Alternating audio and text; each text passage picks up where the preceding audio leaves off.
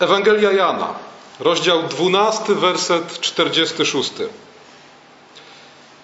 Ja jako światłość przyszedłem na świat, aby nie pozostał w ciemności nikt, kto wierzy we mnie. W jaki sposób Biblia opowiada nam o Bogu? W jaki sposób Biblia objawia nam Boga? Pismo Święte nie jest podręcznikiem teologii systematycznej. Niewiele jest tam definicji. Znacznie więcej jest obrazów, symboli. A symbol, obraz przemawia inaczej niż definicja. Definicja wyjaśnia, definiuje, jak sama nazwa wskazuje. Obraz, symbol daje do myślenia. Obraz, symbol jest czymś, z czym zostajemy, co zostaje w naszej pamięci, w naszym sercu i co z biegiem lat odkrywa przed nami coraz to nowe warstwy, znaczenia. W Piśmie Świętym jest kilka obrazów i symboli tak ważnych, tak istotnych, tak często się przewijających na kartach Pisma Świętego, że za ich pomocą można opowiedzieć historię świata i historię zbawienia. Drzewo, chleb, wino. Ale jednym z najważniejszych obrazów, symboli, za pomocą których można opowiedzieć historię świata i zbawienia, jest oczywiście światłość, a zwłaszcza przeciwstawienie światłości i ciemności. Światłość była na początku. Skąd to wiemy? Stąd, że Bóg jest światłością. W Psalmie 27 śpiewamy: Pan światłem i zbawieniem moim.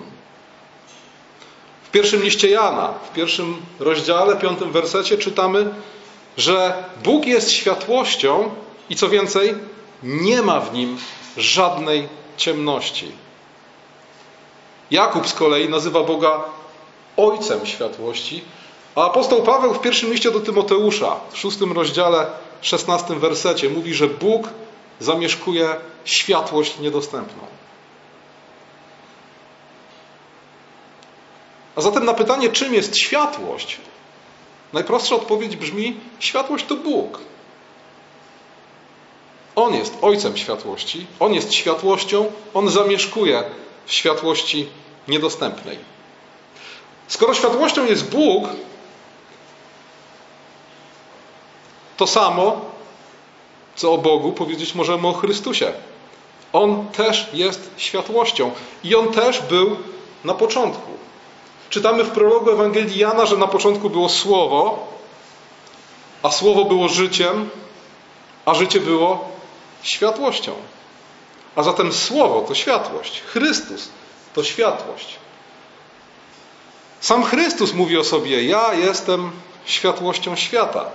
W ósmym rozdziale, dwunastym wersecie Ewangelii Jana. Chrystusa światłością nazywa też Symeon we fragmencie, który przed chwilą słyszeliśmy. Światło na oświecenie pogan i chwałę ludu Twego Izraela. A jak wiemy, Symeon nie mówi tego sam od siebie. Symeon, rozpoznawszy Chrystusa, cytuje to, co na temat Chrystusa kilkaset lat wcześniej powiedział prorok Izajasz. Zachariasz, on też nazywa Chrystusa światłem, wschodzącym słońcem, które nas oświeca.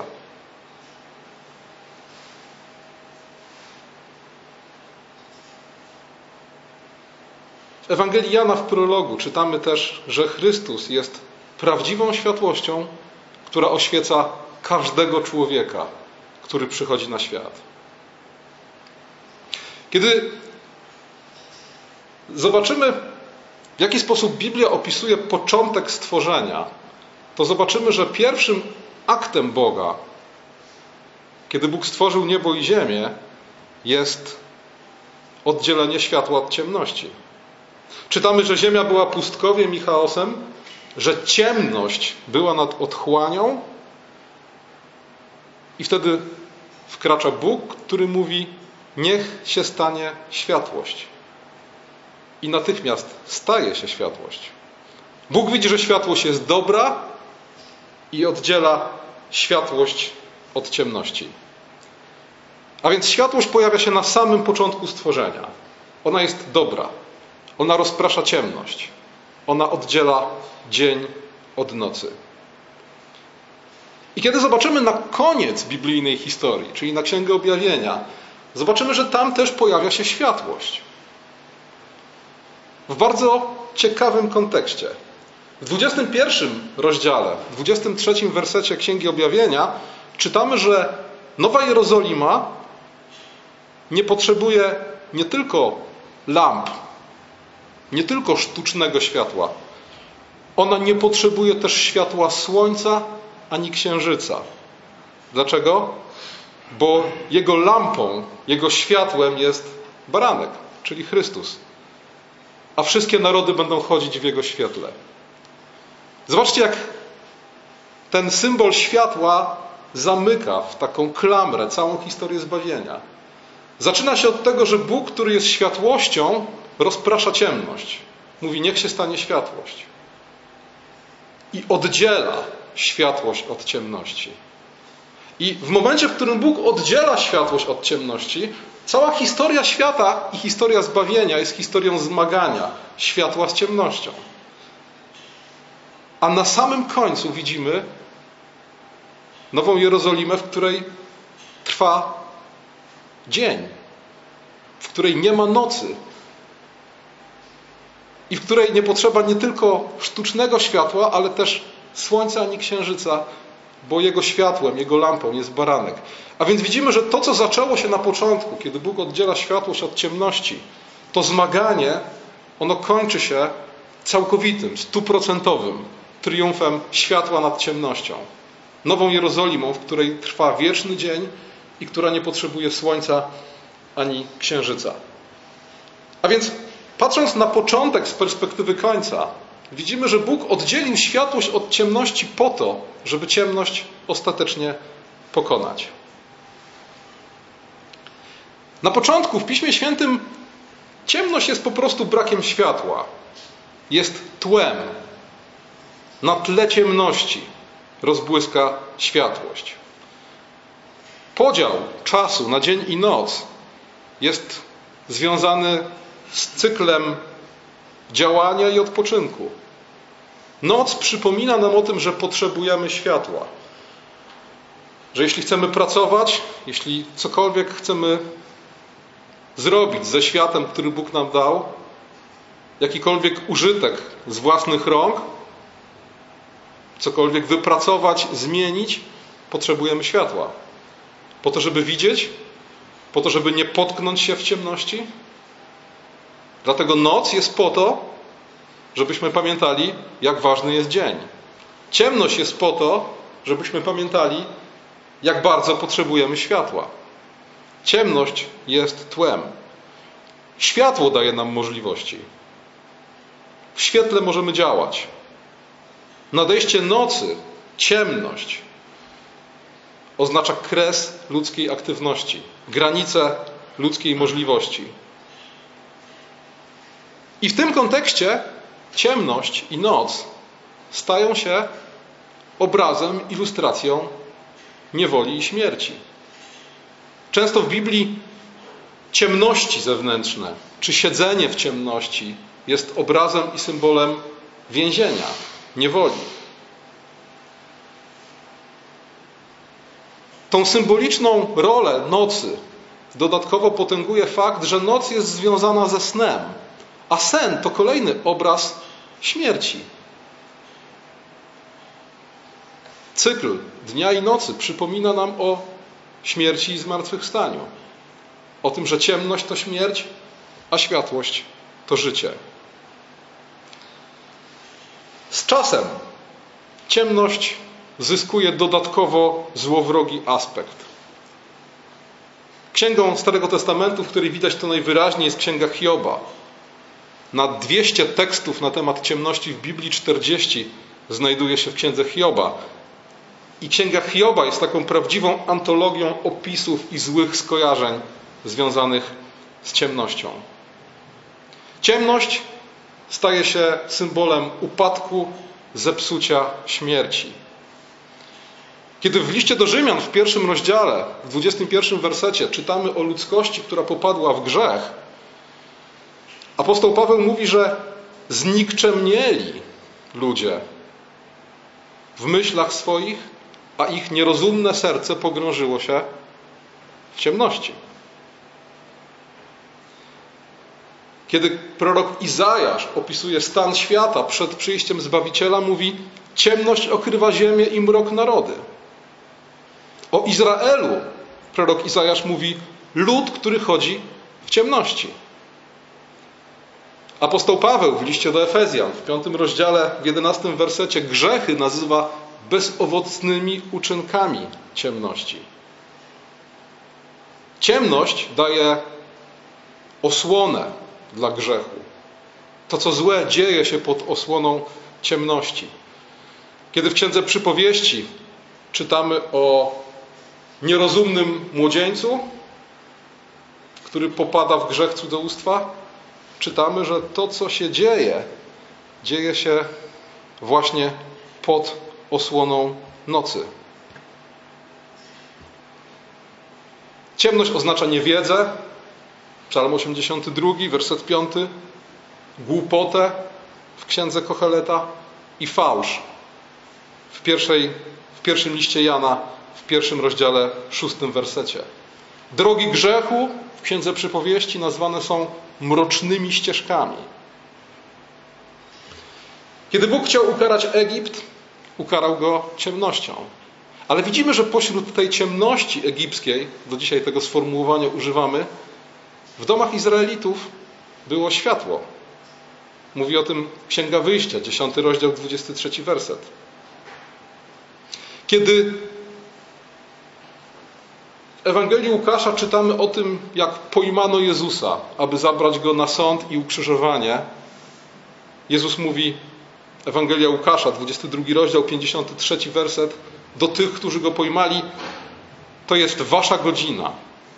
Nastała wasza godzina i panowanie ciemności. A najstraszliwsza ciemność to są te trzy godziny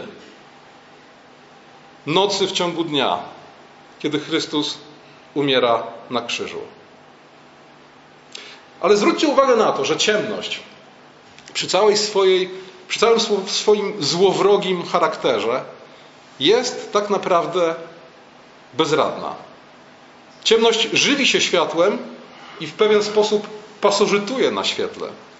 Kiedy Bóg rozdziela światłość i ciemność, kiedy stwarza dzień i noc, ustanawia dwa świecące światła, Słońce, aby rządziło dniem i księżyc, aby rządził nocą.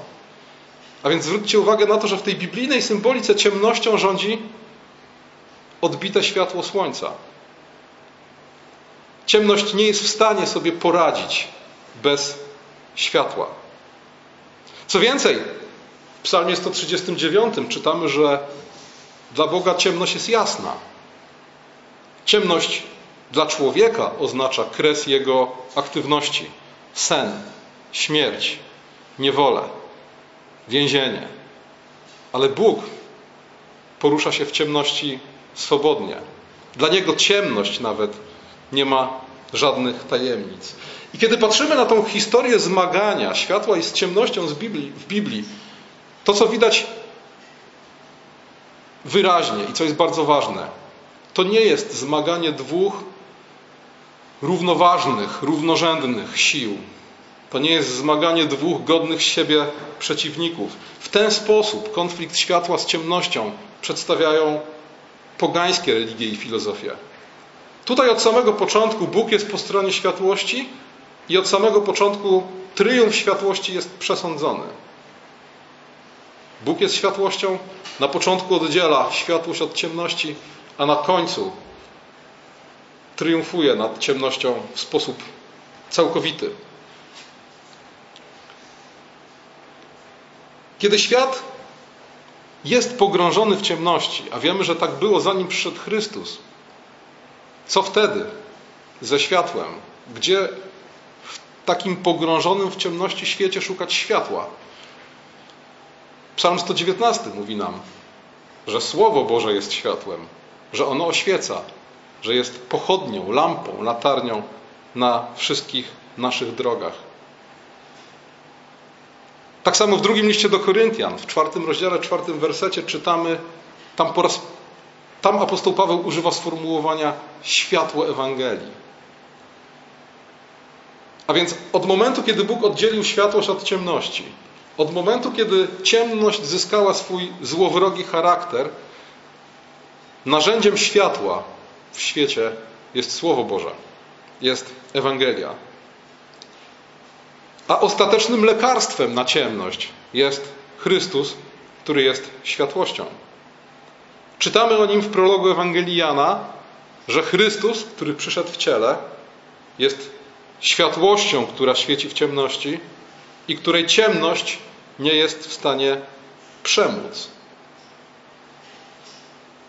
Tej pory, do czasu przyjścia Chrystusa, ciemność zdawała się zwyciężać.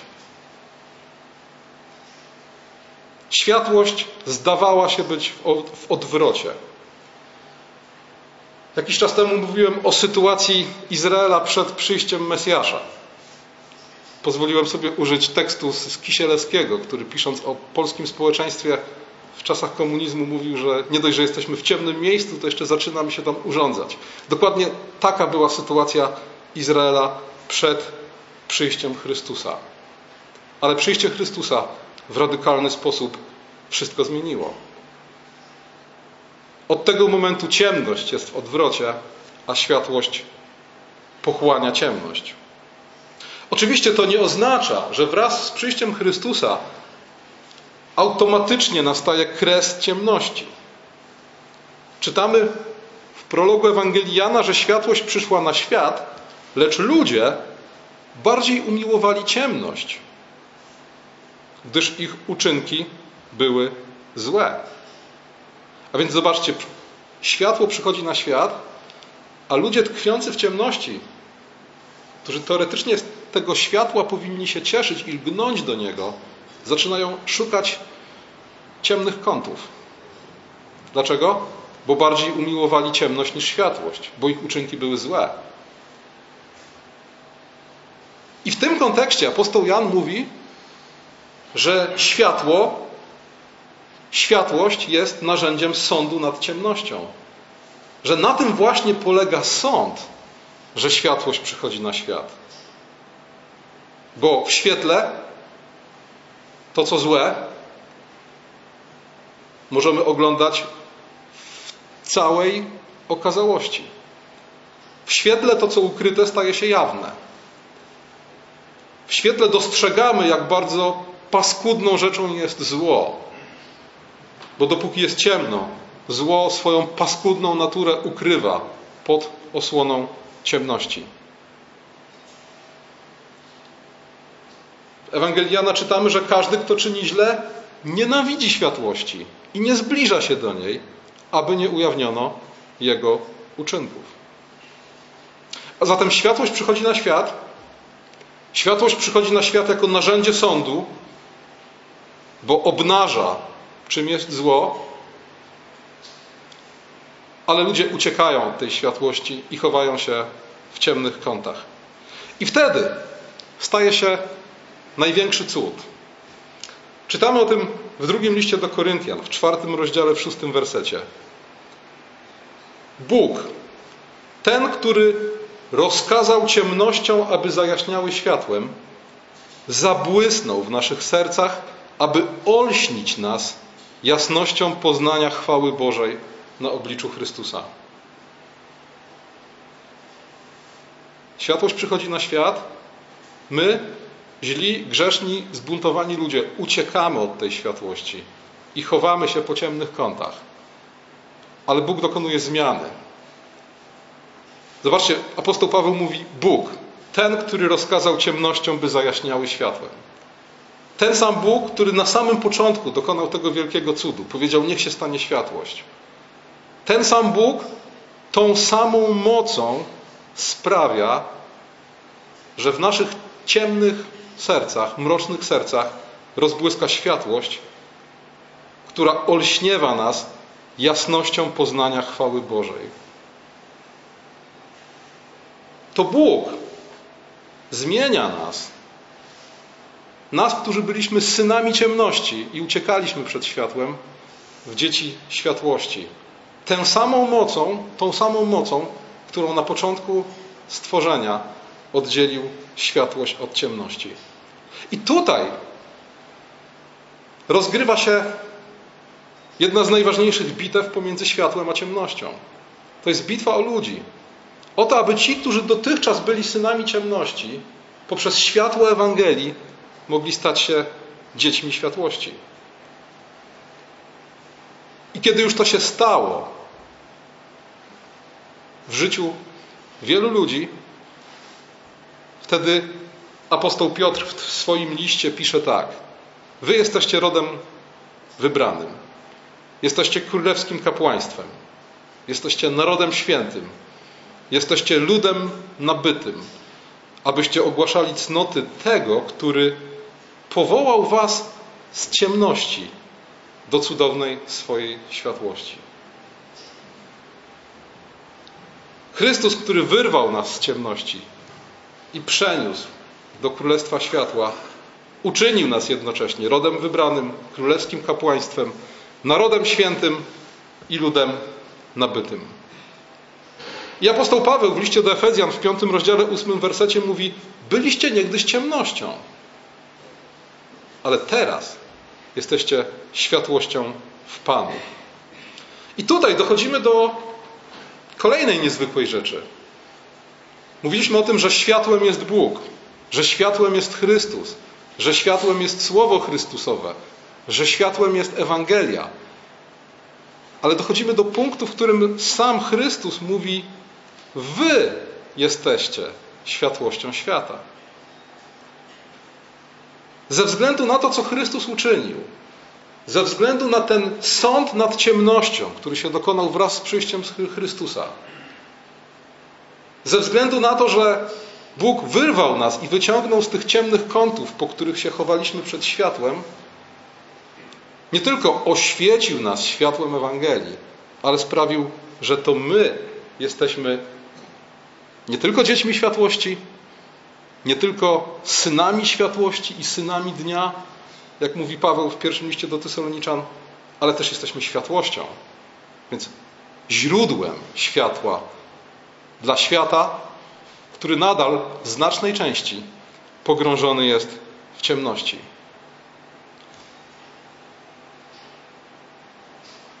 Światłość przyszła na świat wraz z Chrystusem, jak w dobrym, sensacyjnym filmie, to znaczy w ostatniej chwili. Kiedy czytamy o tym, w jakim stanie znajdował się świat i Izrael przed przyjściem Mesjasza, kiedy nad Żydami panował Herod, krwawy tyran, mordujący dzieci. Ktoś, kto bardziej odpowiadałby naszemu wyobrażeniu faraona niż żydowskiego króla. Więc w tym najciemniejszym momencie historii świata, w ostatniej chwili przychodzi Chrystus, w ostatniej chwili przychodzi światu na ratunek. Jak widzicie, poprzez odwołanie się do symbolu światła i ciemności, opowiedzieć możemy nie tylko historię świata i zbawienia, ale możemy też opowiedzieć historię każdego z nas. To dzięki Bożej łasce mogę powiedzieć dzisiaj: jestem po stronie światłości. Bo to Bóg, ten, który rozkazał ciemnościom, aby zajaśniały światłem, zabłysnął w moim sercu, aby olśnić mnie jasnością poznania chwały Bożej na obliczu Chrystusa. Mój grzech został osądzony. Dlaczego? Bo znalazł się w tym snopie światła, który pozwolił rozpoznać grzech jako grzech. Ale to nie jest koniec historii. Z jednej strony wyrwany z ciemności, uczyniony dzieckiem światłości i powołany, aby być światłością świata, jestem dzisiaj nowym stworzeniem, ale z drugiej strony żyję w świecie, który w znacznej części pogrążony jest w ciemności. A ciemność nadal dotyka mnie. Nadal nie jestem czystym światłem. Od momentu, kiedy Bóg oddzielił światło i ciemność, Bóg przestrzega przed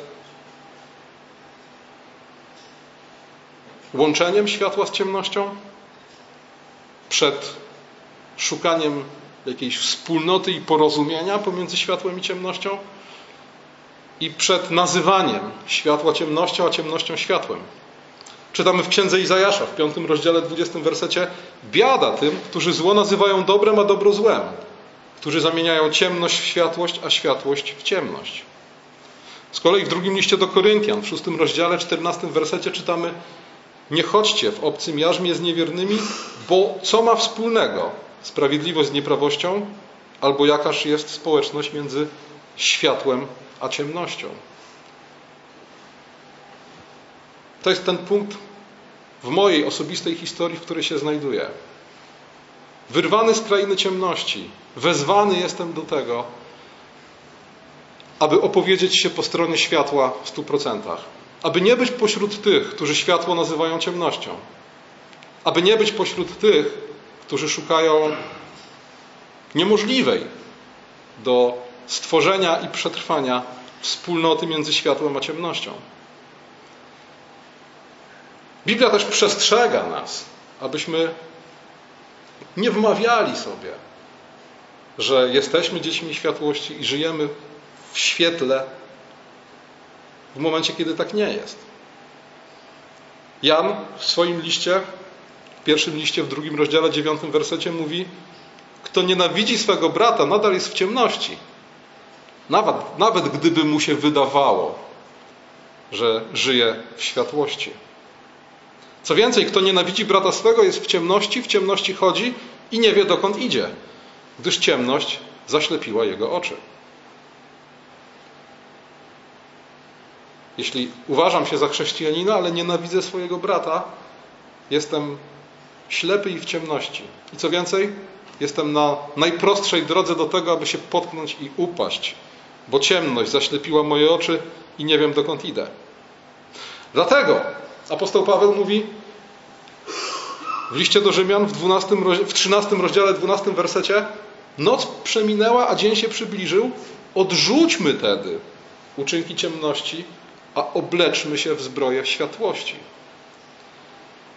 Z jednej strony Chrystus mówi do nas: Wy jesteście światłem świata, ale z drugiej strony te przestrogi pokazują nam, że niestety ciągle realne jest zagrożenie, że będąc dziećmi światłości, będziemy zachowywać się jak synowie ciemności i staniemy po stronie ciemności.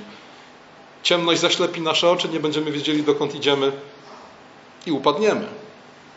Dlatego apostoł Paweł mówi: odrzućmy tedy uczynki ciemności, a obleczmy się w zbroję światłości. Apostoł Paweł, kiedy mówi o zmartwychwstaniu Chrystusa, 15 rozdziale pierwszego listu do Koryntian mówi: Jeśli Chrystus nie zmartwychwstał, daremna jest wasza wiara. Jeśli Chrystus nie zmartwychwstał, to wszystko nie ma znaczenia. W pewnym sensie można powiedzieć, jeśli chodzisz w ciemności, jeśli kochasz ciemność i jeśli uciekasz od światła, to przynajmniej z Twojej osobistej perspektywy patrząc, Chrystus przyszedł nadaremno.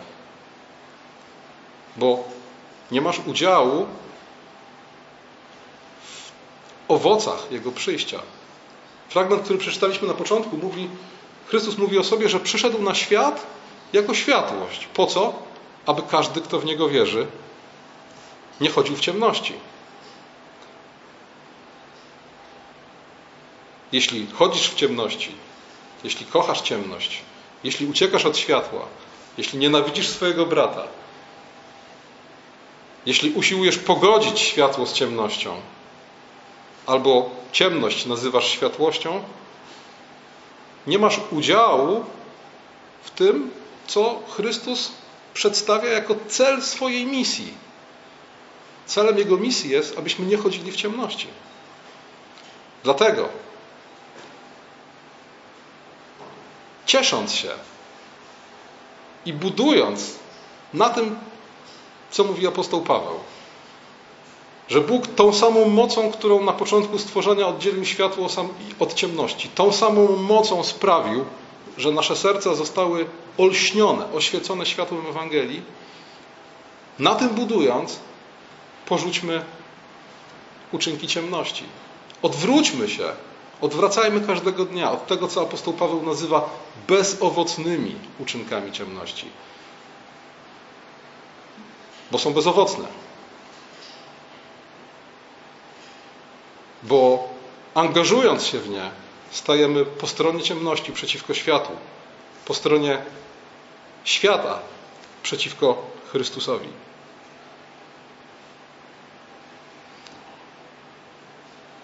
Ostateczny triumf światła jest oczywisty, jest zagwarantowany. I widzimy to wyraźnie chociażby w Księdze Objawienia. Stawką zmagania światła z ciemnością dzisiaj jest to, ile światła, a ile ciemności doświadczać będziemy każdego dnia my, którzy żyjemy w czasie, czasie tego zmagania.